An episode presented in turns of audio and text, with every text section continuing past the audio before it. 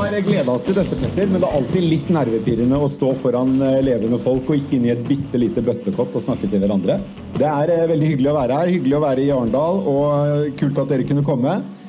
Partilederdebatten blir jo veldig spennende å følge, og vi hører at det kommer til å handle om én eneste ting i dag, i kveld. Dere kan jo gjette hvilket tema. Det er strøm for alle penga. Det er det også i Sverige, og det er valg om bare 20 dager i, i Sverige et mye mer spennende valg enn man er vant til fra eh, svenskene. Vi eh, har lyst til å snakke litt om det i, som, eh, som, forløper til eh, oppsparket til partilederdebatten, Petter. Det har vi, og når jeg fikk eh, da eh, valget hvem svenske skal vi ta med oss og gjøre stormkast live fra Arendal så tenkte jeg vi skal ha mannen, myten, legenden. Han har vært Norges Han har vært den mest kjente svensken i Norge. Og hvis du skal være ærlig, før jeg sier navnet hans, også den mest forhatte. Dette er noen år siden. En legendarisk fagforeningsleder fra, og næringsminister for Sosialdemokratene. Starta et eh, byrå nå som heter Priority Group. Leder Norsk-Svensk Handelskammer. Bjørn Rosengren! Og det er sånn eh, Jeg får lov til å åpne ballet her med første spørsmålet. Men det Bjørn er her for, han skal ta oss gjennom det vi kan kalle det svenske valget for dummies. Eh, det er uten at det, det bare sånn han skal gjøre det på en forståelig og enkel måte. Det er mest for deg og meg. Det er, mest, det er helt riktig. Men eh, Bjørn, eh, det er valg om 20 dager i Sverige. Eh, og eh, hva er det knyttet aller mest spenning til akkurat ved dette valget? Ja, får jeg börja med å si det at eh, problemet i Sverige, eller det som det ser ut i dag, det er jo at de her två blockene, vi har et högerblock og vi har et venstreblock, og de er nesten exakt lika store. Om man skal veta at 64 000 väljare ger ungefär 1% til en av de her blocken. Och det gör ju nu att alla jobbar allt vad de kan för att få väljare. Det andra det är ju det att vi i Sverige har vi sån här 4 gräns. Har man inte 4 av väljarna då kommer man inte in i riksdagen. Och där har ju både Liberalerna och eh, Miljöpartiet legat under 4 Idag ligger de över 4 Och det innebär då att vi kommer att få två tydliga block. Och det som är den stora frågan är självklart vilket block blir störst, vilket vinner. Och den andra frågan är vilket parti på högersidan blir störst? Blir det Moderaterna som har, ska jag säga, statsministerkandidaten eller blir det Sverigedemokraterna? Och skulle Sverigedemokraterna bli större än Moderaterna då klart att då kommer de att ställa väldigt stora krav. Och man ska veta att bägge de här blocken har interna problem. De är block på vänster og block på höger. Men de har får man svära. Men, ja, Jævlig svårt å komme ja, men, Bjørn, du må gjøre, altså, det, du, nå gikk du veldig rett inn i puddingen, som vi sier. Du må bare forklare hvem er det på hvem side av blokkene. altså Hvor står Senteren og Annie Løf? Ja, hvor kommer, ja, ja, du, må du, ta dette nå litt pedagogisk. Det er hemskt med sånne her personer som er påleste. Men får jeg si det, jo, det er jo også så at, at Centern har jo valt valgt blokk nå. De har valt venstreblokket. Og derav følger at vi har två tydelige blokk.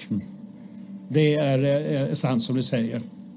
Eh, tror du det, det er mulig å danne en regjering i Sverige etter valget? Ja, det tror jeg. Det tror jeg inga problem. Eh, vinner skal jeg si, venstresiden, da er det ganske enkelt. Da fortsetter man en regering som ingenting har hendt. Och då har man ju majoritet. Problemet man kommer å ha, det er att få Magdalena Andersson, som hun heter, som er jo vår statsminister, at hun klarer av att gjøre opp med vänstern så at Centern kan acceptera det. Och det virker jo ikke speciellt enkelt Då, Nej, det er jättesvårt. Men å andra sidan sett, de har jo ingen val. Va, de, va, va, vad är deras val? Ska då vänstern säga nej, vi röstar på högersidan? Nej, kommer de ikke köra. Men, okay, bare varför, hvorfor, hvorfor uh, er det så vanskelig for Magdalena Andersson? Är, hvilken, er det en sak som er særlig krevende å håndtere i den blokken? Det, ja, det krevende är ju det att Centern säger att de vill inte prata med Sverigedemokraterna för de tycker om att det är ett rasistiskt parti. ligger något i det, får jag säga. Min värdering. Eh, sen vill de inte prata med vänstern för de anser att de är ett ytterlighetsparti eh, som ska säga är extrema. Det är problemet för Magdalena. Hur ska hon ena detta? Och klarar hon inte det, då blir det väldiga problem. Men man kan säga att bägge de här blocken, oaktat vem som får det, så kommer det bli jättestora problem. Mm. Alltså parlamentariska problem och etc. Men, men, Bjørn, for meg så er jo Sverige et land som har liksom kompromissets kunst. Det er samarbeid, det er langsiktighet. Det er, men hvordan har man da havnet i en situasjon der fellesløsningene har fått liksom de, de er ikke der lenger. Hvor er det blitt av hva som har skjedd? Altså Sverigedemokraterna de har 20% eller hva de har nå. Jo, men altså Problemet oppkom egentlig 2010, når Sverigedemokraterna kom inn. Da fikk vi tre block. Vi hadde et vänsterblock, vi hadde det gamla konservativa blocket og så fikk vi Sverigedemokraterna. Vi fikk helt enkelt tre block. Og det ledde til allting, allting rasade ihop. Å andra sidan er det som vi tittar på Sverige så er man enig i de mest, mest eller i alla stora frågor är man enig i. Sen är det massa frågor som man inte är eniga i och det är det man hör i politiken. I Sverige regerar den socialdemokratiska regeringen på en borgerlig budget. Ingen svensk märker det. Nej, men det är faktiskt så. Ingen ser det. Ingen, om du går ut och frågar en svensk, är du socialdemokrat? Ja. Vilken budget regerar ni på? Ja, det är väl på socialdemokratisk budget. Och därmed menar jag det att Sverige är ändå ett ganska det är ett starkt land. Och man enas om de stora frågorna, men de frågorna som syns i politiken. Politik handlar ju om att man inte ska tycka lika. Hvilke saker, ja. unnskyld Bjørn, hvilke saker eh, er det som særlig eh, opptar velgerne i denne valgkampen? Ja, det som jeg, eh, jeg tror det er elektrisiteten, er energi. Det er forsvaret med tanke på hva som har hendt med Putin. Gängkriminalitet? Gängkriminaliteten, rätt. Det är kanske den stora frågan när vi läser media. Mm. Men det det kommer att handla om, det är som i Norge. Sikkerhet det kommer att handla om ekonomin. Mm. Strömmen som blir dyrare och dyrare, energin. Det kommer att handla om räntorna som går upp, inflationen etc. Och där finns nog ett litet problem. Den unga generationen, eh, de som är unga vuxna och ska rösta, vi har ju haft både i Norge och Sverige en tillväxt under 15-20 år som är rent formidabel. Vi hade 91, va? eller 92 någonting, det gick ner. Den är helt formidabel. De har aldrig, de kan inte stava till inflation. När jag var ung, då kommer jag ihåg, att man ränta på 15 procent. Jag köpte ett sommarställe när räntan var 500 procent. Ja. Det är dyrt. totalt omdömeslöst, det var dyrt ja. Men jag, jag tänkte det, Fortsätter det vara 500. Jag prutade kraftigt på priset. Också. Hvem lånte Men, du av jo, da, Bjørn? Var det? det var ikke banken, det. Det var på den tiden da svenske banker hadde like store problemer som norske. Ja, ja, hade okay. men, men, Bjørn, jo, men altså, min poeng er det at, at valet kommer å handle om meg. Mm. Det vil si mina, hur, jag, hur orolig jeg er for ekonomin. Men, äh, och inte så mye om kriminaliteten, even om den er skal jeg säga, väldigt fokuserad. Det är ju hemskt det som sker i Sverige. Det är fruktansvärt. Där vi skjuter ihjäl ungefär en människa om dagen. Ett land där, där ett mord, om det var ett mord när jag var ung, det var ju rent uppståndelse. Man undrar vad det som har hänt. Men eh, förklara mig. Eh, du snakker om Sverigedemokraterna. Ja. Har vi et demokratisk problem om de blir største parti om 20 dager? Ja, vi har, altså Moderaterna har et problem. Moderaterna har ett problem. Ja, men jätteproblem för att de kommer... Alltså man, Sverigedemokraterna intygar att de, vi vill inte sitta i regeringen. Men man kan ju tänka sig att de blir större, Moderaterna. Då kommer det ju tryck bland eh, medlemmar och förtroendemän i Sverigedemokraterna. Det är klart vi ska sitta i regeringen, vi är ju största borgerliga parti. Blir Jimmy Åkesson då statsminister? Nej, han kommer aldrig bli statsminister. For det vill han inte få Det här kommer det aldrig bli det. Nej. Men däremot kommer han att kunna ställa väldigt stora krav. Eh, eh, Alltså det är ju så här att problemet tycker jag i Sverige, vet inte hur i Norge, det är att de här små 4 partierna de har makt. Framförallt om man ska bilda regering. Ja, det och, det här sker, och det här sker i hela Europa. Och detta är fruktansvärt. De gamla, stora, stabila partierna som liksom har tagit ansvar. De, för att de ska vara kvar i makten så måste de göra upp med ytterlighetspartier. Moderaterna måste göra upp med Sverigedemokraterna. Annars får de inte makten. Och likadant eh, är det ju med Socialdemokraterna. måste göra upp med Vänsterpartiet, annars kommer de aldrig få makten. Och det där är ett, ett, ett problem. Och det här har med, om man får lite historiskt, med Weimarrepubliken att göra. Om ni kommer ihåg den 1900, vi som är gamla kommer ihåg den, 1920-talet. Där, där var det ju så att, att alla småpartier kommer in och slog sönder hela det så att säga, tyska efterbygget efter första världskriget. Och det ledde ju då lite till nazismens eh, intåg, man vill ha starka ledare och så vidare. va. Och jag tror, får jag ta det? Eller- Ja, ja, for all del. Ordet Nej, nej, altså, nej, nej, kom igen nu. Ja, kom igen. Jag tror att eh, det helt enkelt är så att ta bort den här 4% regeln Nu är antagligen omdömeslös, det kommer de att säga. Det brukar de säga mig också. Så det är lika bra att ta det. Ta bort den här 4% regeln Då innebär det att de här, då får de inte stödröster. Va?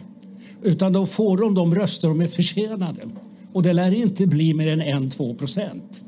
Vi har 375 riksdagsledamöter i Sverige. Halvera det.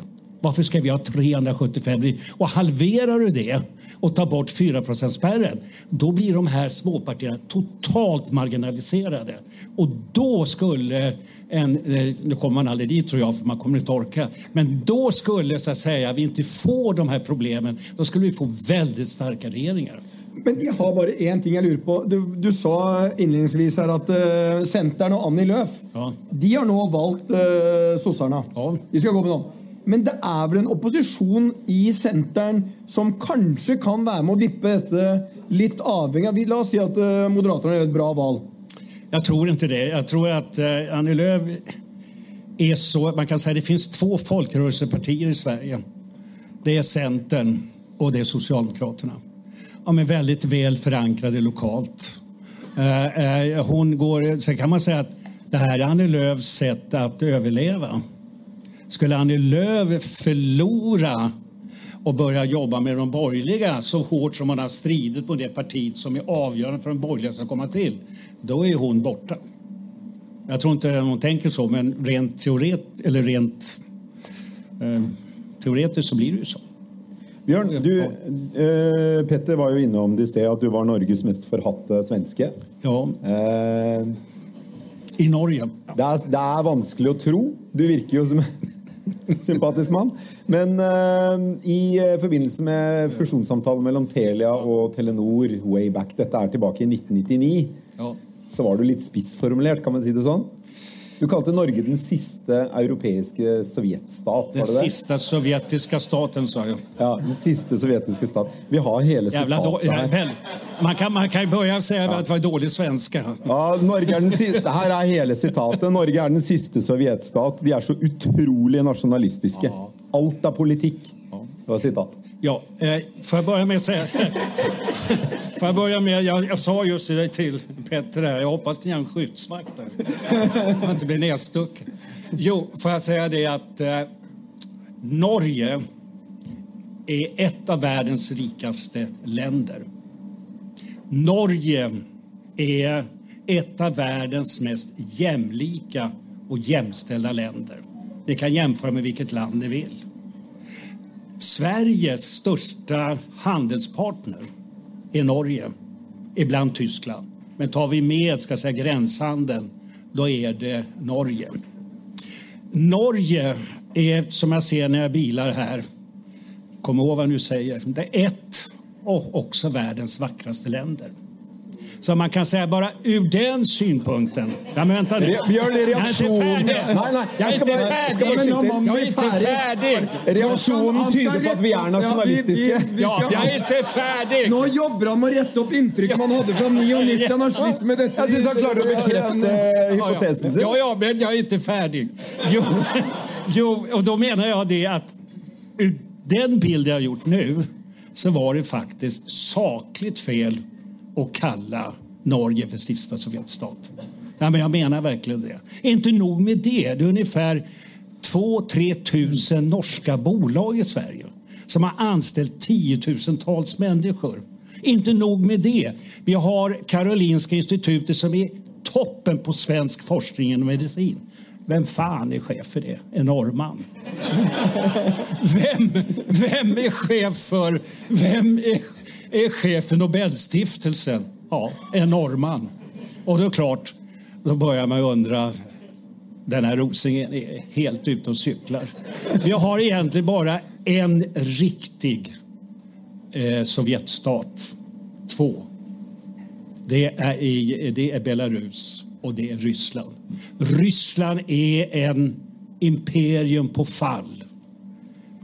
Vi har en BNP i Norden på 25 miljoner invånare som är högre än Ryssland som har deras BNP som har 144 miljoner invånare.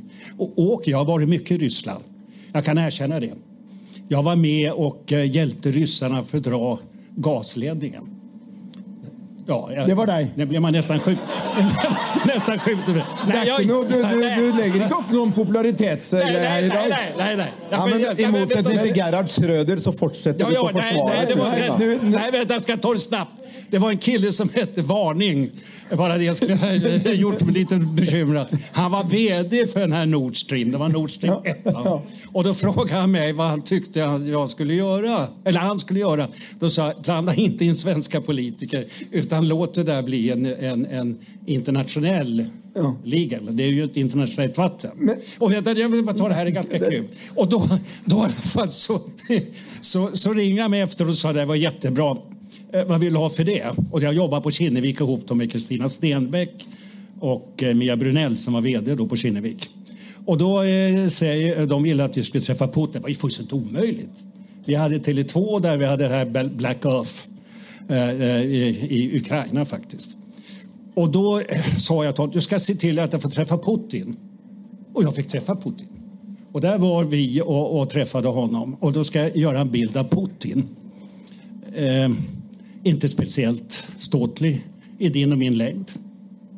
Men, men, men, men eh, och väldigt, till skillnad mot dig, mig, totalt charmlös.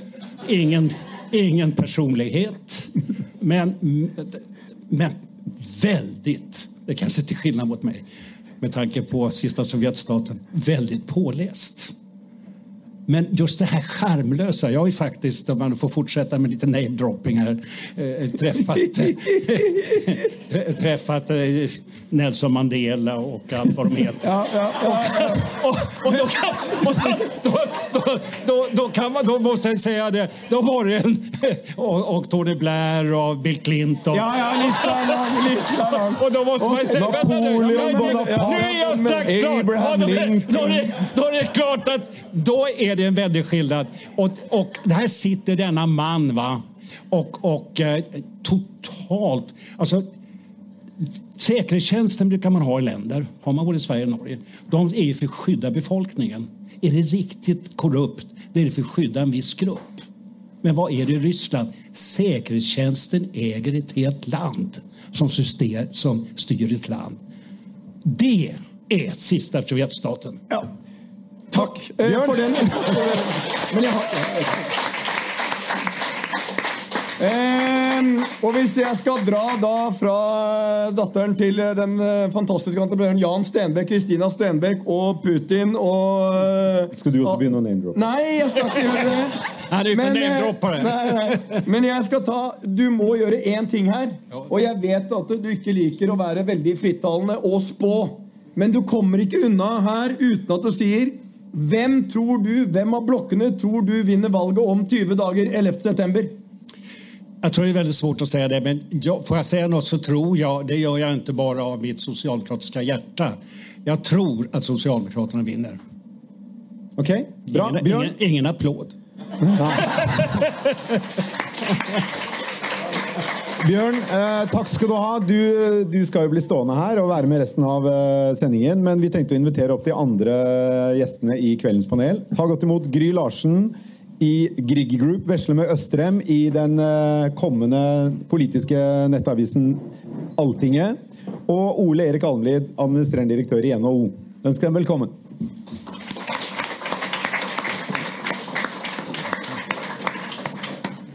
Eh, Vi, eh, I kveld er det jo partilederdebatt, som dere alle vet, og den kommer sikkert mange av dere til å se her i dette rommet eller andre steder senere. Og vi skal snakke masse om det. Det kommer til å handle som vi sa i sted, det kommer til å handle om ett eneste tema, og virkelig ett eneste tema strøm. 75 minutter med strøm kommer det til å handle om i kveld. Og jeg tuller ikke. Eh, Men før vi helt sikkert kommer til å snakke om strøm, vi òg, så skal vi snakke om noe helt annet. Og jeg tror vi har en video her som vi kan få opp. Kan det stemme? Se på denne. Dette klippet er jo av Sanna Marin, den finske statsministeren til venstre i klippet, som danset. Det var eh, ikke en video hun eh, ønsket skulle eh, ut, men den lakk ut etter en fest for noen få dager siden. Den har skapt voldsomme reaksjoner i sosiale medier, ikke bare i Finland, men i hele Europa, tror jeg. Jeg har sett den i mange ulike kilder. Eh, og vi er litt nysgjerrige på det. Hvorfor eh, reagerer man sånn på at eh, en statsminister danser og har det hyggelig på fest? Er det noen som har lyst til å Ja. Det er nærliggende å se på kvinner i Ja, ja. Det er jo helt åpenbart lov å danse på fest, også når du er statsminister. Og herlighet, så kul den statsministeren er. Heldige Finland. Eh, og så tenker jeg vi har ingen kontekst. Vi, har, vi vet ikke hva som sies egentlig. Vi kan gjette, de, de har begynt å gjette at det snakkes om narkotika. Det er ingen som vet om det blir det. Det er en privat hendelse. Og så skjer det at den kommer ut. For det første, jeg ville tenkt sånn, Hvis det ble en lekkasje av en fest hvor jeg dansa og var så kul, så ville jeg bare tenkt sånn yeah, uh. Men uh, det er utrolig trist at det blir en så stor sak. Selvfølgelig blir det det, fordi hun er ung, hun er pen, hun er kvinne. Og det ikke, og det, vi kan faktisk ikke tolerere at hun blir behandla på den måten.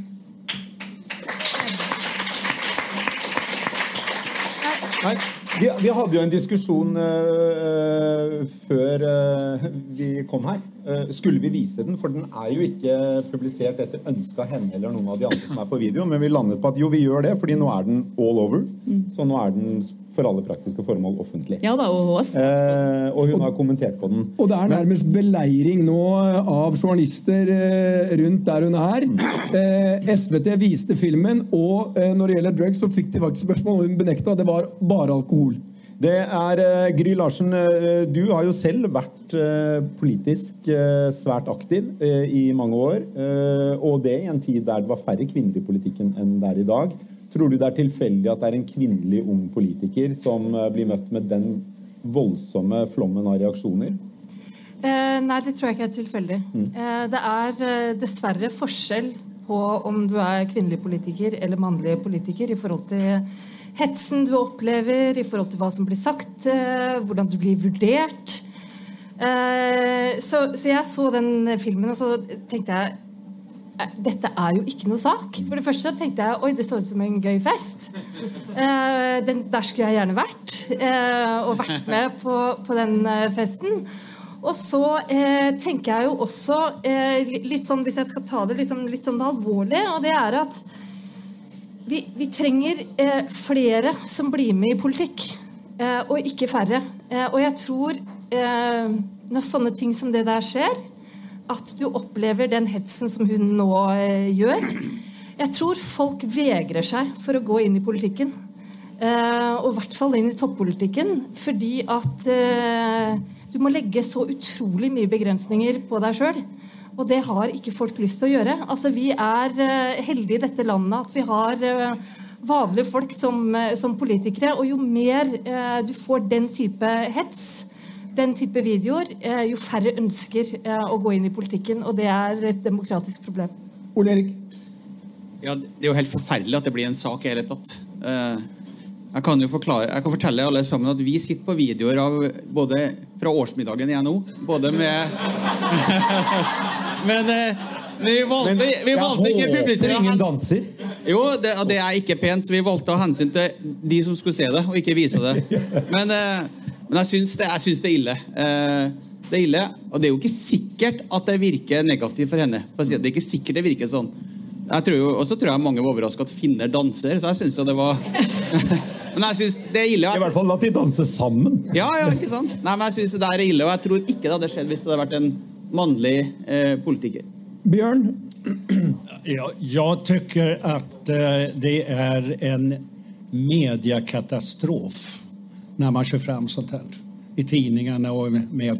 Och jag tycker också, jag lyssnar på den politiska debatten ibland att eh, journalisterna har svårt att förstå och framförallt använda språket.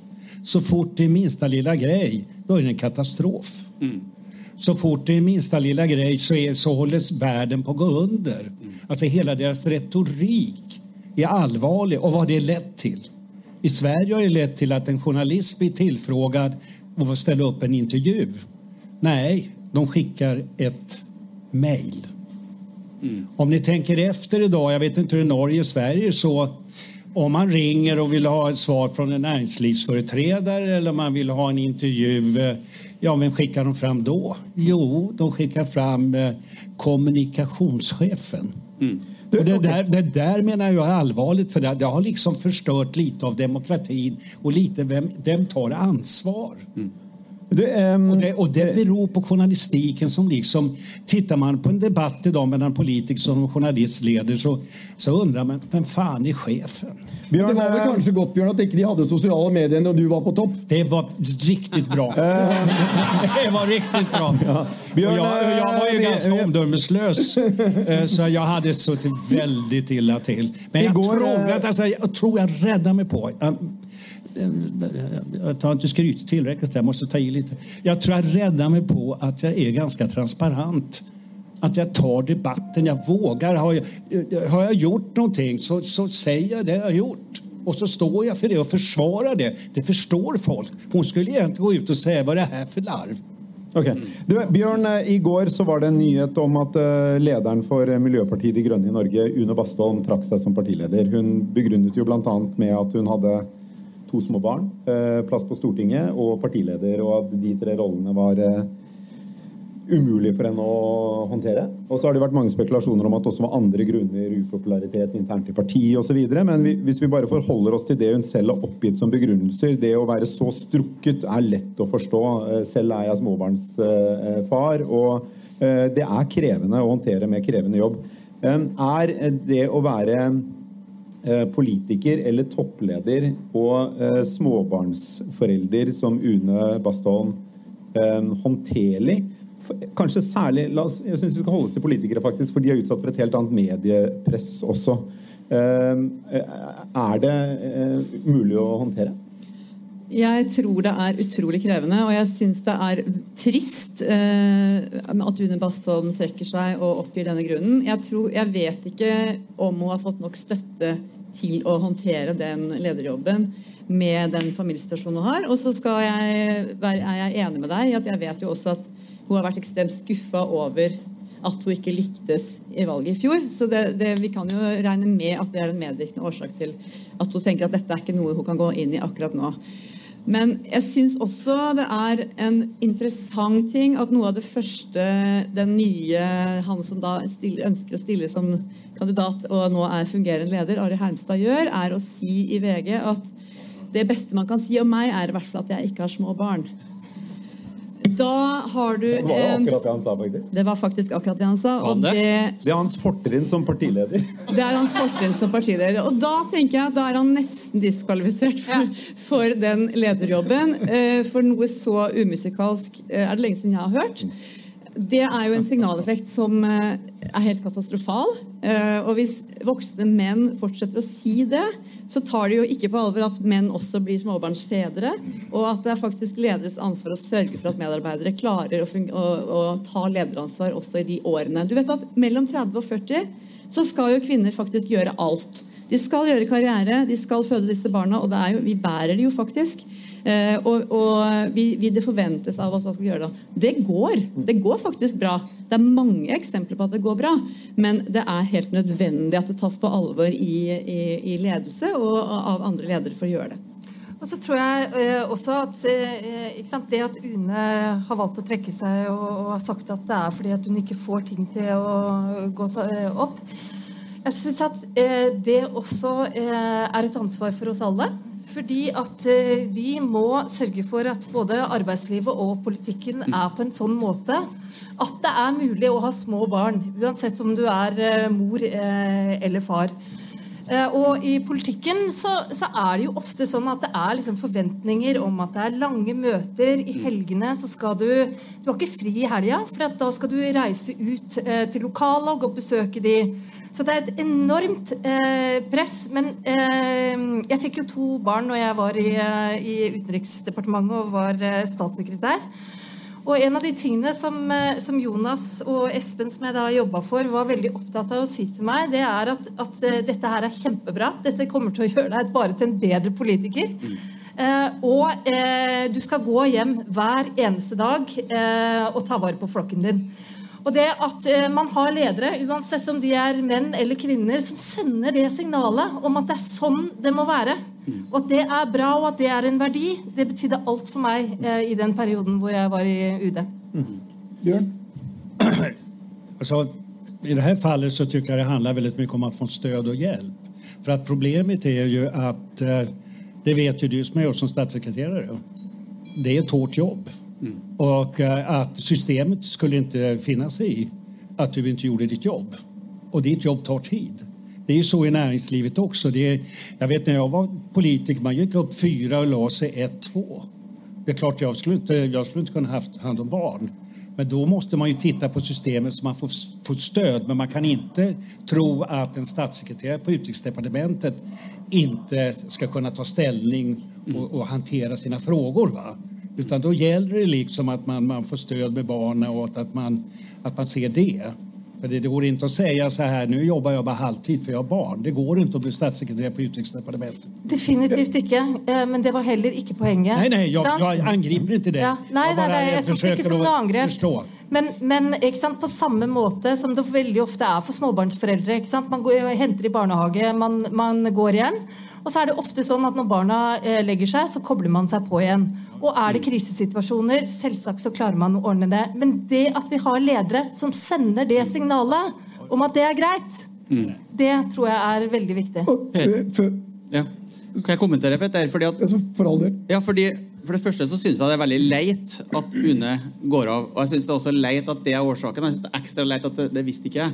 At den nye lederen, hvis det blir han, gjør et poeng at hans beste kriterium at han Altså, skal ha det annerledes. Det, jeg så Jeg tror, det. bare, jeg, tror, jeg tror ikke han mente det sånn okay, som det høres okay. ut når vi refererer Men til det her, men det kan fort leses på Ja. den måten man Det er greit, men uansett da, så er det sånn at jeg tror at man har i politikken faktisk verre enn ofte i- man har det i næringslivet. For da man er folkevalgt, man er tillitsvalgt, og man må stå til ansvar hele tiden. Det er mediepress, det er en helt annen press for noen år siden. Så du har en partileder som alle respekterer. Det var veldig ålreit å se de andre partiledernes reaksjon på at hun gikk av. For det var raushet. Jeg syns det var synd. Jeg tror det var veldig synd for mange. Og så kan det jo være andre årsaker i partiet, men det må jo ikke være sånn at du må kaste korta fordi at du har småbarn. Men jeg tror det er verre nå enn for noen år siden. Men vi skal ikke ta hele debatten her. Jeg ble utrolig provosert når Emilie Enger Mehl eh, i eh, en av landets aller største tabloide aviser, og det er ikke VG, eh, ble tatt bilde av på et padlebrett to meter Ja. Eller hun la det ut. Eller la det ut. Padlebrett to meter fra land. Og saken var hun brøt norsk lov. Hun hadde ikke redningsvest. Ja, ja, ja. ja, ja. Er. Hvor er vi på vei? Og da skal jeg overlate til den gamle redaktøren å ta denne overgangen Ja. elegant videre. Han har, han har vært ute og padla før. Han har padla masse. Han er best på roing. Fosterord nå. Nei, altså jeg, Nei, jeg fikk et sånt bilde av folk som står på supp. Jeg kan ikke tenke meg en mindre verdig sport enn supp. Eh, nei, ok, men vi skal tilbake til dagens eh, politiske landskap. Eh, jeg tror vi må det før eh, kvelden går og partilederdebatten begynner. Jonas Gahr Støre og hans regjering ser jo ut til å gjøre absolutt alt gærent, egentlig. De, I går Vi behøver ikke gå i detaljer, men meningsmålingene bekrefter det. Eh, Arbeiderpartiet er nå under 20% Senterpartiet er på 5,9% så vidt jeg husker, ifølge målingen NRK eller VG hadde i går. Høyre har 30% uten å gjøre noe. De gjør absolutt ingenting. De bare sitter helt stille. Det er derfor, de, det er derfor de har 30 procent. De sitter helt stille, nettopp, sitter helt stille, håper at regjeringen ikke kaller folk tilbake fra sommerferie, og sånn at Jonas Gahr Støre kan eh, steke sitt eget fett litt lenger. Og hvorfor Hvordan skjer dette? Ole Erik, jeg har lyst til å starte med deg. Hvordan, hvordan er det mulig å komme så dårlig ut av det? Jeg, jeg må passe meg for å mene så veldig mye om det. Men Jeg kanskje jeg ikke skal begynne med deg? jo, begynn med meg. Begynn med meg for det, det jeg tror For det første så er det sånn at det er vanskelig å styre, men det, det jeg tror de sliter med å fange det som folk fanger. Jeg tror det er nesten sånn stang ut hele tiden. Og vi opplever jo det at eh, mange av bedriftene våre Vi hadde jo vi måler jo dette. Vi så jo veldig mange bedrifter som hadde tillit til at de skulle gjøre det bra, og så blir det ikke så bra. Men jeg vil være forsiktig med å mene så veldig mye om, om partier. Jeg, ble, jeg, jeg er jo spent på debatten i kveld, Per. Jeg er spent på det. Jeg synes jo Hvis jeg får lov å si én ting, da, og det gjelder kanskje mest det andre regjeringspartiet Jeg er jo litt lei meg etter Arendalsuka. Jeg syns det har vært en bra Arendalsuke. Masse spennende. Det var mye mer konkrete diskusjoner denne gangen enn i fjor. Veldig bra. Men vi har sett et litt sånn nasjonalistisk sus over debatten nå, som jeg syns er veldig leit. Og det kan hende at denne mannen hadde litt mer rett enn han sa.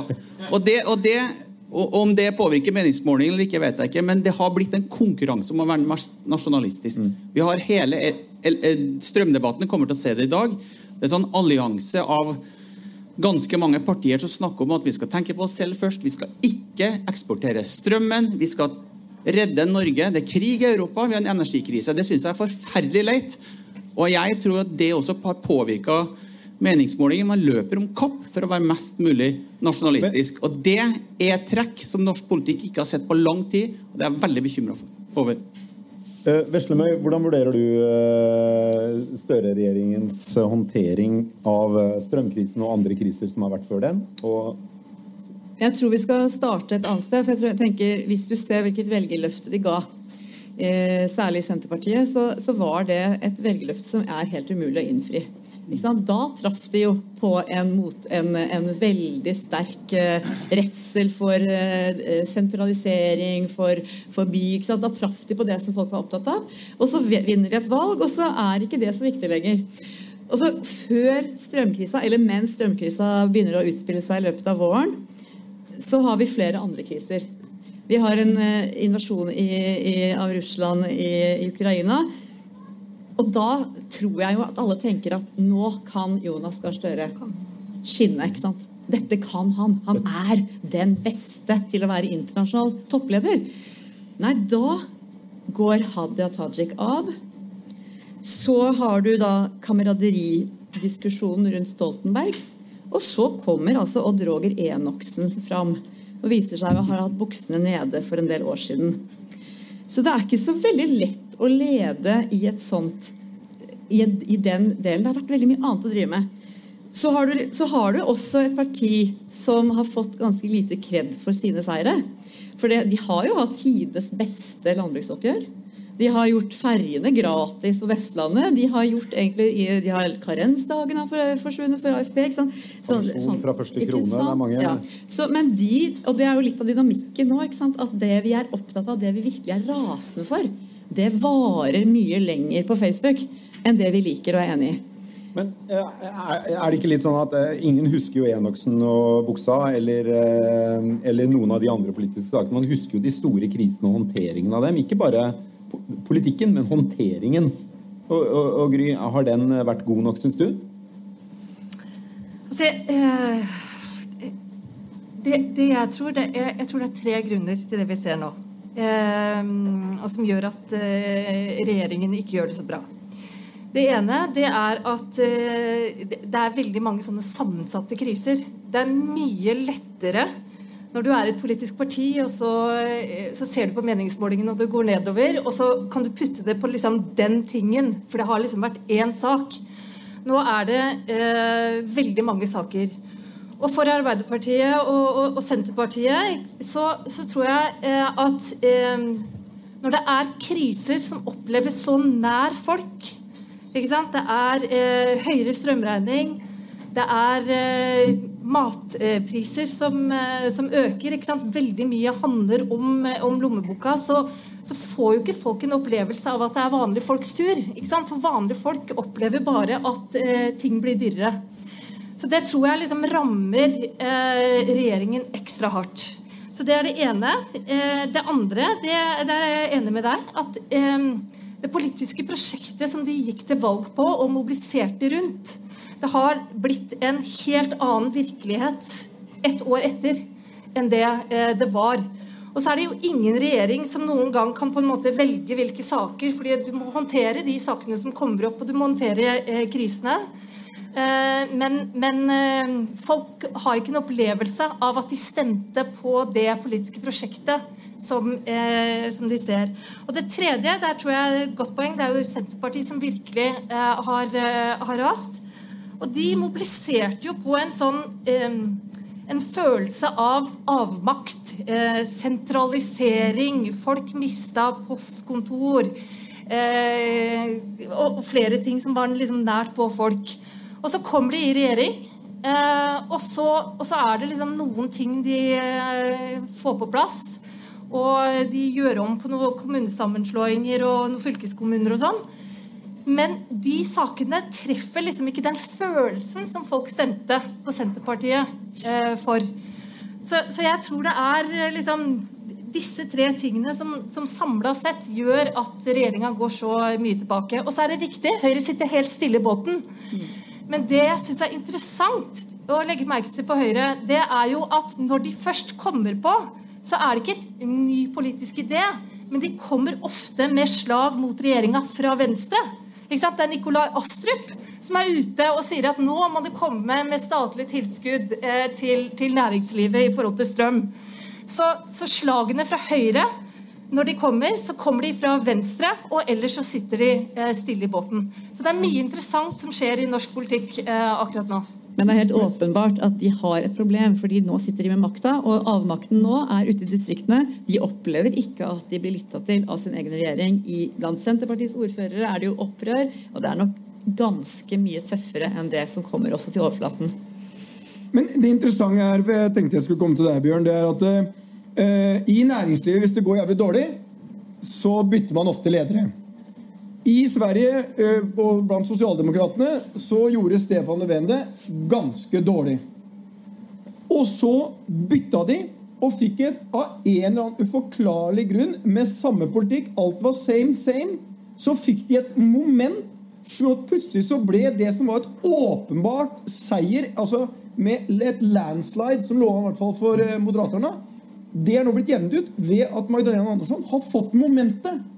Så Bjørn, hva skal til? Altså, godt du følger Arbeiderpartiet og hva som skjer med Arbeiderpartiet og Senterpartiet og de tingene i norsk politikk, men du sitter jo her som litt eh, vårt svenske orakel i Delphi og skal lire av deg nå svaret. Hva må til for å få tilbake momentet? I, i Norge? Ja, bare for å få tilbake momentet. Hva skjedde med det? Nei, altså, ja, ja, ja, men det, det, er litt som i næringslivet også. At, at, uh, jeg bruker si det at om jag försöker ta ett väldigt enkelt exempel här, att en dålig affärsidé kan gå riktigt bra om du har ett bra ledarskap. En bra affärsidé kan fullständigt gå åt helvete. Det vet både du och jag om du har ett dåligt ledarskap. Så att ledaren och konsten att kommunicera är så otroligt viktig. Och det märker man mellan Löfven och Magdalena Andersson. Och man kan också säga det att att, alltså det, det, är liksom på något sätt avgörande och Och det finns ingenting, jag har ändå jobbat eh, ingenjörsprofession, jag jobbat som ingenjör, jag jobbar i fackföreningsrörelsen, jag jobbar i näringslivet på, på olika nivåer. Och jag jobbar som politiker och till och med som landshövding. Men det finns inget jobb som är så svårt som att vara politiker på toppnivå. Mm. Det är alltså det är intellektuellt ställer enorma krav. Mm. Det, det, finns näringslivskillar som jag har träffat som är duktiga ingenjörer. De har aldrig läst, aldrig läst en skönlitterär bok. De är helt enkelt utbildade men obildade. Mm. Det går inte att vara som politiker. Utan det, det ställer såna enorma krav jämfört med andra jobb. Och nu är det också den här enorma utsattheten. Så det är klart att ledarskapet, den, den som ska leda verksamheten i ett politiskt parti är avgörande. Och det är precis som du säger, Socialdemokraterna har ungefär samma program som de hade under Löfvens tid. Ja, ja. Men de har fått ett nytt ledarskap. Mm. Ole-Erik? Det er mange forklaringer på hvorfor det er sånn. og Jeg skal ikke mene så mye om partiet, men jeg tror vi kommer til å se noe veldig spesielt i partilederdebatten i dag. Og det at Den polariserte debatten vi har nå, kommer til å slå ut veldig tydelig i partilederdebatten. Og Du ser både venstresida og høyresida gå mot sentrum. Og Det som er problemet, tror jeg, delvis for både Senterpartiet og Arbeiderpartiet, at de har blitt sentrum. Og sentrum er alltid kompromisset. Sentrum er det av det avmålte, det er det rolige, det er det ansvarlige. Og det som skjer i dag, det er at du kommer til å se Rødt, Frp, SV, MDG Alle går mot midten. Og hvem står der? Der står altså Senterpartiet, som profilerte seg på avmakt. Nå må de stå til ansvar. Der står et Arbeiderparti som også sliter med det. Og så er det et Høyre som kommer til å egentlig ikke være så synlig i debatten i dag, tror jeg, men likevel kommer til å vinne posisjoner fordi at det er et rom for de så det er en veldig veldig vanskelig politisk posisjon, uansett hva man måtte mene om de partiene. Og det kommer til å bli veldig tydelig i debatten i dag, for det er alle angriper, og de må stå der. Og for Senterpartiet, som egentlig profilerte seg på at alt var gærent, må stå ansvaret for at de er i midten nå. Veldig vanskelig, og vi bruker å si det på Innherred. Når det rasler i ordførerkjedene på Innherred for Senterpartiet, da er det alvor, og det kommer det til å gjøre nå. For dette er veldig vanskelig. Ja, vi må eh, straks gå inn for landing, men eh, jeg har lyst til å stille et spørsmål som jeg eh, føler er elefanten i rommet i ganske mange politiske debatter. Og, og det er det veldig sånn enkle og litt brutale spørsmålet Har Jonas Gahr Støre det som skal til for å være en statsminister? Det vet, det vet, man ikke ennå. Nei, det vet man ikke ennå. Han har faktisk tre år til på seg. og Det er klart, det som er interessant nå, er at nå er det dårlige målinger. Men de har jo faktisk vunnet et valg med ganske god margin. Og, og har et, de har ikke flertall, men de har, har et godt parlamentarisk grunnlag for å klare å, å få gjennom sin politikk. Men det som er et problem for Støre, er jo at han leder sammen med en annen person som han ikke nødvendigvis snakker samme språk. De har ikke samme fortelling om sitt lederprosjekt. Og da blir det jo to forskjellige historier som kommer fram. Og det, det, det, tror jeg kanskje Hvis jeg skulle vært en rådgiver for han, noe jeg ikke skal være siden jeg er redaktør i en politisk avis, så kunne jeg kanskje sagt, snakk litt mer sammen. Gry, hva tror du? Nei, altså Jeg mener at uh, lederskap det, det står seg over tid. Eh, du skal stå eh, gjennom kriser. Det er krevende å lede når det er så mange kriser samtidig, og alle ønsker kjappe, enkle løsninger. Jeg syns Fridtjof Jacobsen i DN skrev en utrolig god kommentar for et par uker siden, og hvor overskriften egentlig var ganske interessant. For det sto 'Verdens kjedeligste regjering', og takk og lov for det. Og det den saken handla om, det var jo nettopp at eh, alle hadde masse meninger om hvordan eh, vi skulle håndtere strømkrisa. Men at det er komplekst, det er sammensatt, det er vanskelig. Det er ikke så enkelt å bare komme med lette tiltak. fordi at du kan, du kan gjøre noe som kan, kan, ha effekt på et annet eh, område. Sånn at, eh, at, at jeg jeg, eh, Det er liksom for tidlig å stille de spørsmålene. Altså, fordi at mm. lederskap, det har du over tid. Og det kan godt tenkes at eh, om ett år eh, så, så, står vi her og så sier vi vet du hva, denne regjeringen har faktisk leda Norge gjennom en veldig krevende periode, og vi gir dem kred for det. Mm. Sånn at, at eh, jeg syns det bare blir for enkelt å slå fast den type ting. Mm. Ole Erik? Jeg skal forsterke poenget til Gry, for NO skal i hvert fall ikke kaste terninger på statsministre. Det er ofte veldig lite konstruktivt. Men jeg leste i sommer boka til Per Egil Hegge, Gullef Forr og Olav Njøstad om norske statsministre gjennom tiden, tidene. Og det er ganske interessant. De beskriver alle statsministrene fra Sabel og fram i tid. Den er gitt ut i 2010, og da var Jens fortsatt statsminister. Og det de beskriver om han, er så utrolig betegnende på at du ikke kan se det i samtid. Det var før 22. juli, og det var før han har vært Nato-sjef. Historien om Jens Stoltenberg som statsminister kommer til å være helt annerledes enn den var i 2010. Så hva man måtte mene om statsministre, det er først et spørsmål du tar opp etter de er ferdig. Eh, vi, eh, som du sa, Per, må gå inn for landing. Og da eh, syns jeg at en, jeg vil si en betydelig rehabilitert eh, svensk eh, god venn til meg, Bjørn, du skal få lov til, som du ofte gjorde Du tok ordet og slapp det ikke. Nå skal du få siste ordet i denne podkasten. Si hva du vil. Du er rehabilitert. Ja. Vi har tatt deg tilbake. Efter, dette får jeg si det at vilket jag glömde säga, att vi har väldigt många duktiga norska entreprenörer i Sverige. Här har vi en. Alltså, eh, Petter är oerhört populär i Sverige. Han har byggt massor av hotell, han är störst, han anställer väldigt många unga människor som känner sig väldigt nöjda med ditt ledarskap. Det var väl en bra replik mot, mot den här rehabiliteringen. Dette var meget uventet. Han får ikke engang betalt for å komme hit, så eh, jeg skal ikke skyldes på noen ting. Jeg har ikke fått en krone. Per, da får du oppsummere. Nei, oppsummere denne samtalen, det klarer jeg ikke. Men eh, det var jo, det var jo veldig hyggelig siste ord til deg, Petter. Eh, Jeg tror at Jeg gleder meg enda mer nå til partilederdebatten enn jeg gjorde før vi møttes her i dag. Det var veldig hyggelig at eh, det kunne komme så mange. Jeg skal innrømme at vi var litt bekymret, fordi mange har dratt igjen. Og mange har sikkert blitt litt metta på Arendalsuka. Det skal bli godt å komme hjem til familie og venner og slappe av. Men eh, det har vært utrolig hyggelig å være her i kveld. Det har vært veldig bra å ha et så kunnskapsrikt og hyggelig panel. Takk skal dere ha, alle sammen. Takk for at dere kom. Og så ses vi igjen ved andre anledninger. Det gjør vi.